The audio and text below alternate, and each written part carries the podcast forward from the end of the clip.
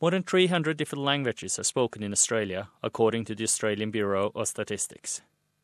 The most common languages spoken in Australian households, apart from English, is Mandarin, Italian, Arabic, Cantonese, and Greek. Many children also learn two languages from birth. SBS Norwegian's reporter Hilde Grande Nilsen talked to Mila Vulchanova, professor and director of the Language and Literature Department at the Norwegian University of Science and Technology in Trondheim, and asked her what advantages bilingual children have.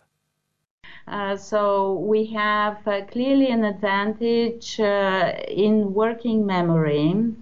Uh, also, uh, better phonological awareness and everything to do with uh, speech and sound perception. So, bilingual, even very young infants uh, who are raised bilingually have been shown to be uh, to retain this window of sensitivity to speech perception for longer compared to monolingual infants.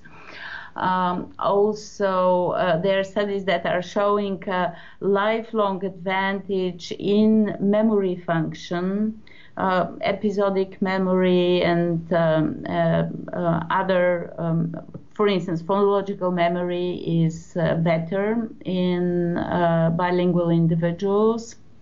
Also, in bilingual children, we know that they have a very uh, uh, pronounced advantage on metalinguistic um, awareness, and metalinguistic awareness has to do with the uh, uh, comparison with languages and an awareness of how languages uh, differ, how languages can be compared. So they are more sensitive to language as an object, and they can explicitly uh,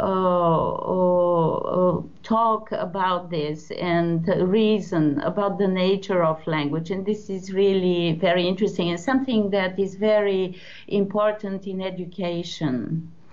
Um, uh, bilingual uh, children have been shown to be more creative. They have better semantic skills as well. Uh, and also some studies document an advantage even in uh, arithmetic. So, can you give um, some examples from those studies that um, that uh, shows the advantages for bilingual children?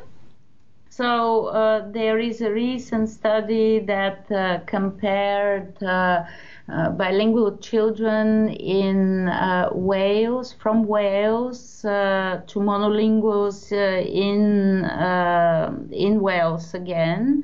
Uh, and uh, the, the, these two groups were compared to bilingual children in Sardinia, in Italy.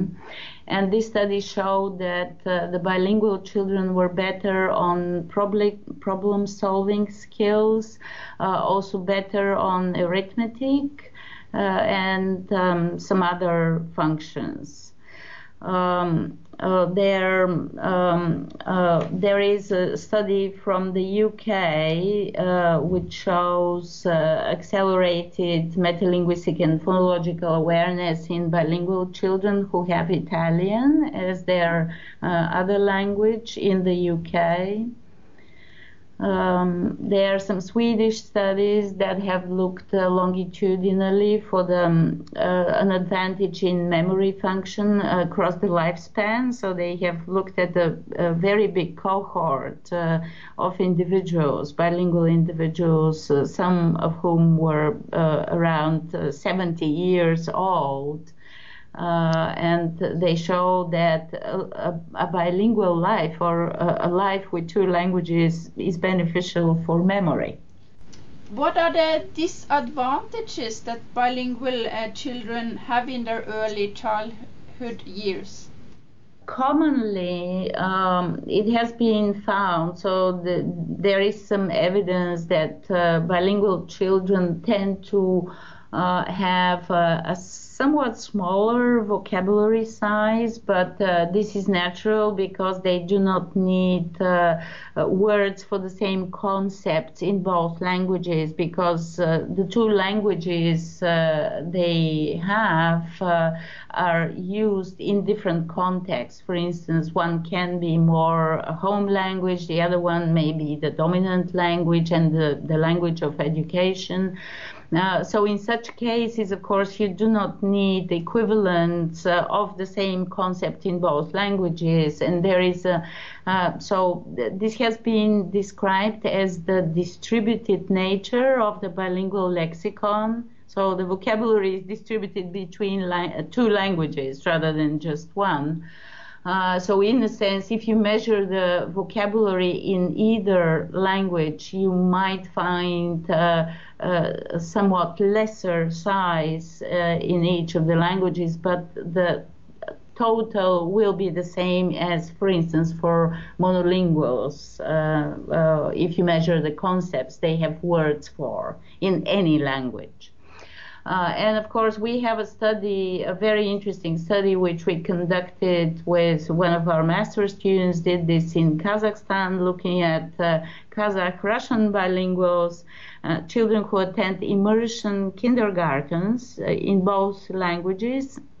And actually, our results uh, convincingly show that uh, the bilingual children had better vocabularies than the monolingual ones. So I believe that this is still open to discussion, and maybe it very much depends on the your sample, on the group you're studying, because bilinguals differ hugely.